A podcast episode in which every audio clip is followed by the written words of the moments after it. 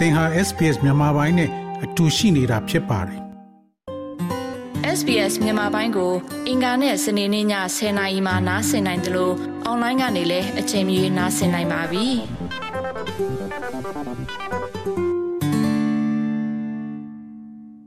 စစ်ကိုမောရင်စစ်ကိုတော့တိုက်ရလိမ့်မယ်ကျမတို့မုန်းတဲ့လူနဲ့ထိုက်တိုက်ရင်ဆိုင်မှာအဲ့အမုန်းကအောင်နိုင်လိမ့်မယ်ကျွန်တော်စစ်ကိုမုန်းတယ်မို့လားစစ်တောင်မခိုင်းနေတာဘူးလူလူပြည့်လုံးကဒါပေမဲ့အဲ့ စစ်တောင်ကျွန်တော်တို့ကြော်ဖြတ်ဖို့လိုအပ်တယ်ဘယ်လိုကြော်ဖြတ်မလဲအဲ့စစ်တောင်ကြမ်းကြမ်းခံရမယ်အဲ့စစ်တောင်တွန်းလိုက်ရမယ်အဲ့စစ်တောင်တိုက်ထုတ်ရမယ်ဒါမှအဲ့စစ်ကကျွန်တော်တို့ပြန်ပပြောင်းပါမုံရွာတက္ကသိုလ်ကျောင်းသားများတက်မကကဥဆောင်သူအမျိုးသမီးငယ်တယောက်ရဲ့စကားအတန်တွေပါ7 July လို့လူသိများလာတဲ့ကျောင်းသားလှုပ်ရှားမှုအဖြစ်စကိုင်းတိုင်းဆလင်းကြီးမြို့နယ်ထဲမှာသူတို့ကြွေးကြော်ခဲ့ကြပါတယ် မြန်မာနိုင်ငံရေးဖြစ်စဉ်မှာစစ်တပ်ကိုပထမဆုံးစန့်ကျင်တော်လှန်ခဲ့ကြတဲ့7 July ရေးတော်ပုံဟာလက်ရှိအချိန်မှာဆိုရင်တော့62နှစ်ပြည့်ခဲ့ပါပြီ။ဗိုလ်ချုပ်ကြီးနေဝင်းဦးဆောင်တဲ့တော်လန်ရေးကောင်စီရဲ့ကြောင်းစည်းကမ်း22ချက်ကိုစန့်ကျင်ရာကစလာတဲ့ကျောင်းသားလှုပ်ရှားမှုဟာဒီနှစ်ဒီအချိန်ထိပြည်သူလူထုစီတက်ရောက်နေစေပါ7 July ကစလို့လက်ရှိຫນွေဦးတော်လိုင်းရေးခရီးတိလျှောက်မှာလဲလူငယ်တွေရဲ့စွမ်းပကဟာပြည်သူတွေအတွက်မျှော်လင့်စရာဖြစ်လာခဲ့ပါတယ် 2015ခုနှစ်7 July နေ့မှာပဲဖွဲ့စည်းပုံအခြေခံဥပဒေပြင်ဆင်ရေးလှုပ်ရှားမှုနဲ့ဖမ်းဆီးထောင်ချခံခဲ့ရတဲ့တက္ကသကျောင်းသားခေါင်းဆောင်ဟောင်းကိုစေရလွင်က7 July လို့ပြောတာနဲ့ကျွန်တော်တို့ကျွန်တော်တို့စတန်ကြီးရတဲ့အခြေအနေလုံးမှာတော့ကျောင်းသားတွေသူနေကြတဲ့ဒီအဓိပတိလမ်းပေါ်ဘုံဘက်ပြည့်စည်ခံရတဲ့တက္ကသအဆောက်ဦးရခင်းပြင်ထဲမှာကျွန်တော်တို့ချက်ဆုံးတဲ့ကျောင်းသားတွေရဲ့ဝိညာဉ်ကိုကျွန်တော်တို့ဝတ်မုံကူးကြပါတယ် အဲ့ဒီဝတ်မုံကူးမှုနဲ့ပဲစစ်အာဏာရှင်တွေဟာတိုင်းပြည်ပေါ်မှာဘယ်တော့မှကောင်းကျိုးမပေးဘူးဆိုရဲစိတ်အထုံကိုကျွန်တော်တို့ယူရပါတယ်ရရပါတယ်ပေါ့နော်အဲ့ဒီဝတ်မုံကူးမှုတွေနဲ့အတူကျွန်တော်တို့ဒီကနေ့7 July ကိုကျွန်တော်တို့ထပ်ပြီးကြော်ဖြတ်ရမယ်ပေါ့နော်ဒါပေမဲ့လက်ရှိ7 July မှာတော့စစ်အာဏာရှင်ကိုကျွန်တော်တို့ဟိုပြင်းပြင်းထန်ထန်ကျွန်တော်တို့တွန်းလှန်တိုက်ခိုက်နေတဲ့အခြေအနေတွေဖြစ်ကြတယ်ပေါ့ဖြစ်တဲ့အတွက်ကြောင့်ကျွန်တော်တို့တွန်းလှန်တိုက်ခိုက်နေမှုတွေကို7 July မှာကြော်ဆုံးခဲ့တဲ့လောင်တော်မျိုးဆက်ကျောင်းသားကြီးတွေက သူတို့ရဲ့ဝိညာဉ်တွေကိုကျွန်တော်တို့အကောင်းဆုံးတန့်စင်ဖို့ဖြစ်တယ်ပေါ့နော်ဆိုတော့ဟိုဒါကစစ်အာဏာရှင်တွေကိုပို့ပြီးတော့စန့်ကျင်တော်လှန်ရမယ်ဆိုတဲ့အတိတ်ကိုပို့ပြီးတော့နှိုးစော်လှုံ့ဆော်အထုံကူးပေးတဲ့နေ့ရက်ဖြစ်တယ်ပေါ့နော်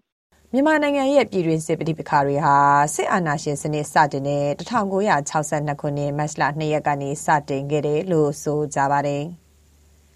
ဗိုလ်ချုပ်ကြီးနေဝင်းဦးဆောင်တဲ့အာနာသိန်းစစ်တပ်ကိုတက္ကသိုလ်ကျောင်းသားတွေကအာနာသိန်းစာကလေးကဆန့်ကျင်ဆန္ဒပြပွဲတွေနဲ့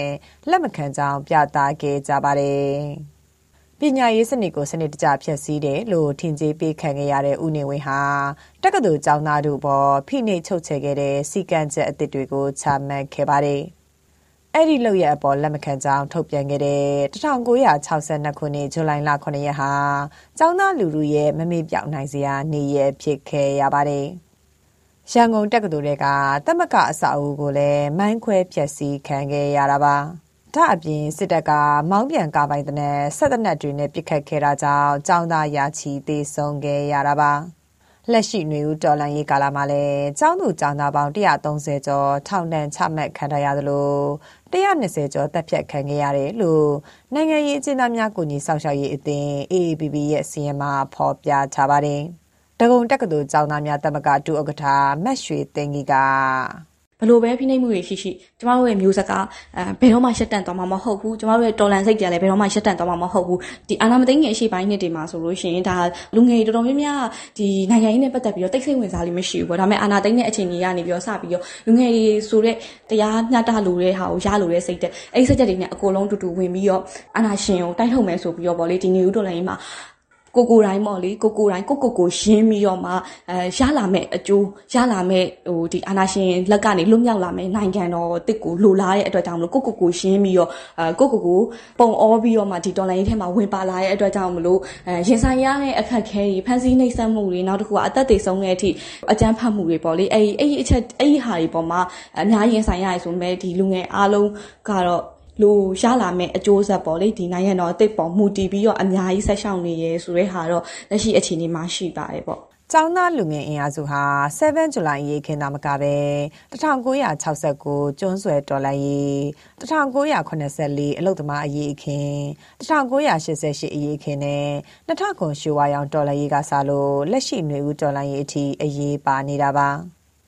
ဒါကြောင့်ပဲစစ်တပ်ကသူ့တက်တန်းရှိဖို့အတွက်ចောင်းသားလူငယ်တွေပေါ်လွတ်လပ်တဲ့အတွေ့အခေါ်တွေဒီမိုကရေစီပညာရေးစနစ်တွေကိုကန့်သက်ခဲ့ပါတယ်။စစ်ကောင်စီပြောခွင့်ရဗိုလ်ချုပ်စောမင်းထွန်းကတော့စစ်တပ်အာဏာသိမ်းလိုက်လို့လူငယ်တွေအနာဂတ်ပျောက်သွားတယ်ဆိုတာလက်မခံဘဲလက်နက်ကင်လမ်းစဉ်ကိုရွေးချယ်ဖို့ဆုံးဖြတ်ချက်ချတာဟာသူတို့မှတာဝန်မရှိဘူးလို့ IFA သတင်းဌာနကိုဖြေကြားထားပါတယ်။ဘာကတများအဖွဲ့ချုပ်ရဲဘော်ဟောင်းကိုမိုးထက်နေကတော့ ဟိုကျွန်တော်အနေနဲ့ကတော့ဒီကျောင်းသားတို့က KSS တာဝန်ကြီးတယ်လူငယ်တို့က KSS တာဝန်ကြီးခဲ့တယ်ပေါ့နော်အဲရှေ့လျှောက်မှာလည်းကျွန်တော်တို့ဒီကျောင်းသားတွေကဒီကျွန်တော်တို့လက်နက်ကင်တိုက်ပွဲတွေမှာရောကျွန်တော်တို့ဒီမြေရောက်တိုက်ပွဲတွေမှာရောဒီဆက်လက်ပြီးတော့ကျွန်တော်တို့ပါဝင်ဆောင်ရွက်သွားမယ်အဲចောင်းသားဟာဘယ်တော့မှမဖောက်ပြန်ဘူး ဒီနှစ်7 July ကတော့ပို့ပြီးတော့ဟိုတိတိမတ်မတ်ပြုစရာဖြစ်တယ်လို့ဒီနှစ်မှာတော့ကျွန်တော်တို့ဒီအာနာရှင်ရဲ့ဖိနှိပ်မှုပေါ့နော်ဒီစေအုပ်စုရဲ့ဖိနှိပ်မှုကိုပို့ပြီးတော့လက်တွေ့အဲခံစားရတာမျိုးတွေရှိလာတဲ့အတွက်ကျွန်တော်တို့ဒီနှစ်ကတော့ဒီအကြောင်းသားလူရဲ့စိတ်ထဲမှာကျွန်တော်တို့လူငယ်ရဲ့စိတ်ထဲမှာကျွန်တော်တို့ဒီဒီ7 July နဲ့ပတ်သက်ပြီးတတိယစရာတွေဖြစ်တယ်လို့ကျွန်တော်တို့ဒီဆက်လက်တိုက်ပွဲဝင်ဖို့အတွက်လေဒီအာသစ်လောင်းနေအတွေ့အခေါ်မျိုးတွေ ရလာနိုင်တာမျိုးဖြစ်ဖြစ်ပါလိမ့်မယ်ဗျာအာနာသိမ့်ပြီးနောက်မှာတော့တိုင်းရင်းသားလက်နက်ကိုင်တီတီစီမှာလူနှစ်သိန်းကျော်စစ်တပ်နဲ့တက်ရောက်ခဲ့တယ်လို့အမျိုးသားညီညွတ်ရေးအစိုးရအညွှန်ကြီးကသတင်းစာရှင်းလင်းပွဲတစ်ခုမှာပြောဆိုထားပါတယ်။အတက်ပညာဤပညာတွေနဲ့ရက်တီဖြတ်တန်းရတဲ့ခေတ်ကာလမှာကျောင်းသားလူငယ်တွေဟာလည်းစာသင်ခန်းအစားတက်စခန်းတွေမှာဘဝတွေဖြတ်တန်းနေကြရတာပါ။ 1960နှစ်1988 2021ခုနှစ်အာဏာသိမ်းမှုတွေကြားမှာမြန်မာနိုင်ငံဟာ ပညာရေး ကျန်းမာရေးကဏ္ဍပေါင်းစုံနှိမ့်ကျသွားတယ်လို့ နိုင်ငံရေးလေလာသူတွေက သုံးသပ်ကြပါတယ်။ Kachin State Civilian Movement က အသက်25နှစ်အရွယ်ပေါက်ဆိုင်က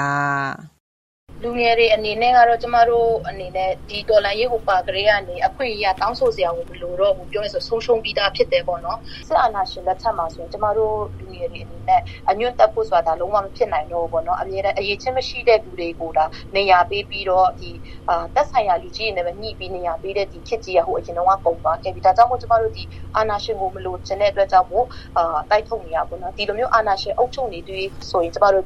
လွတ်လပ်စွာပြောဆိုခွင့်နေရှိမှာမဟုတ်ဘူးထုတ်ဖော်ခွင့်နေရှိမှာမဟုတ်ရည်မှန်းချက်တွေပျောက်သွားမပြီးရင်ဒီအခြေခံအရေးချင်းကိုအခြေခံထားတဲ့ပညာရေးတွေဖြစ်လာတဲ့အတွက်ကြောင့်မို့လူငယ်တွေဆိုတာပေါ့နော်နောက်လာမဲ့လူငယ်တွေအတွက်လည်းပညာရေးအရာတော်၎င်းလူမှုရေးအရာတော်၎င်းတိုးတက်ကြီးပွားမှုရှိဘူးဆိုတဲ့ဥစ္စာကိုကျွန်မအနေနဲ့ပထမဆုံးပြောချင်ပါတယ်ရှင် Generation Z လို့ခေါ်တဲ့လူငယ်တွေဟာ2010မြန်မာနိုင်ငံရဲ့အသွင်ကူးပြောင်းရေးကာလကနေ2020ရွေးကောက်ပွဲကာလထိလောက်သာဒီမိုကရေစီစနစ်ကိုအနေငယ်ခန်းစားခဲ့ကြရတာပါ။ အဲ့ဒီအခြေအနေကိုပြန်ရဖို့စစ်မှန်တဲ့ဒီမိုကရေစီစနစ်ကိုဖော်ဆောင်နိုင်မှုအရေးမှာ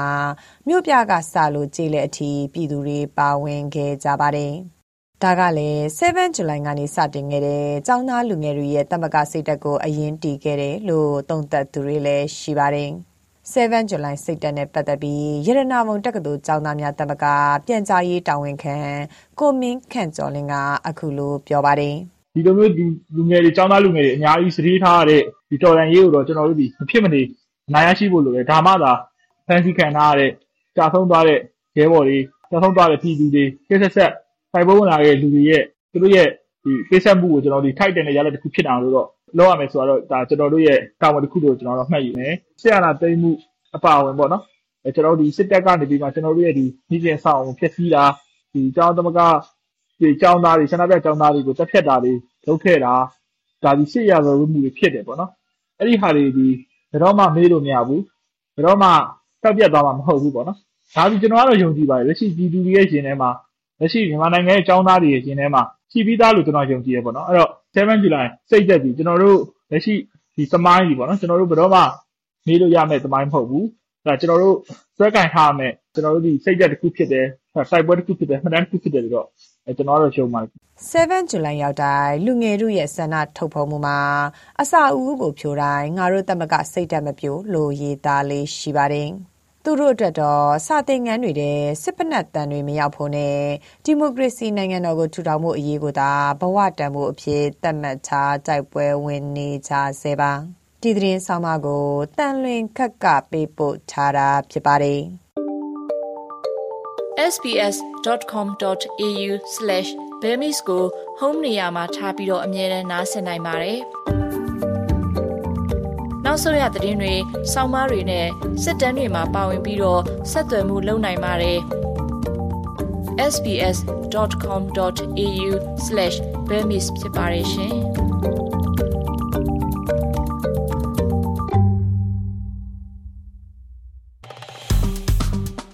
SPS မြန်မာပိုင်းကို Facebook ပေါ်မှာ like ရှာပြီး like မျှဝေမှတ်ချက်ပေးပါ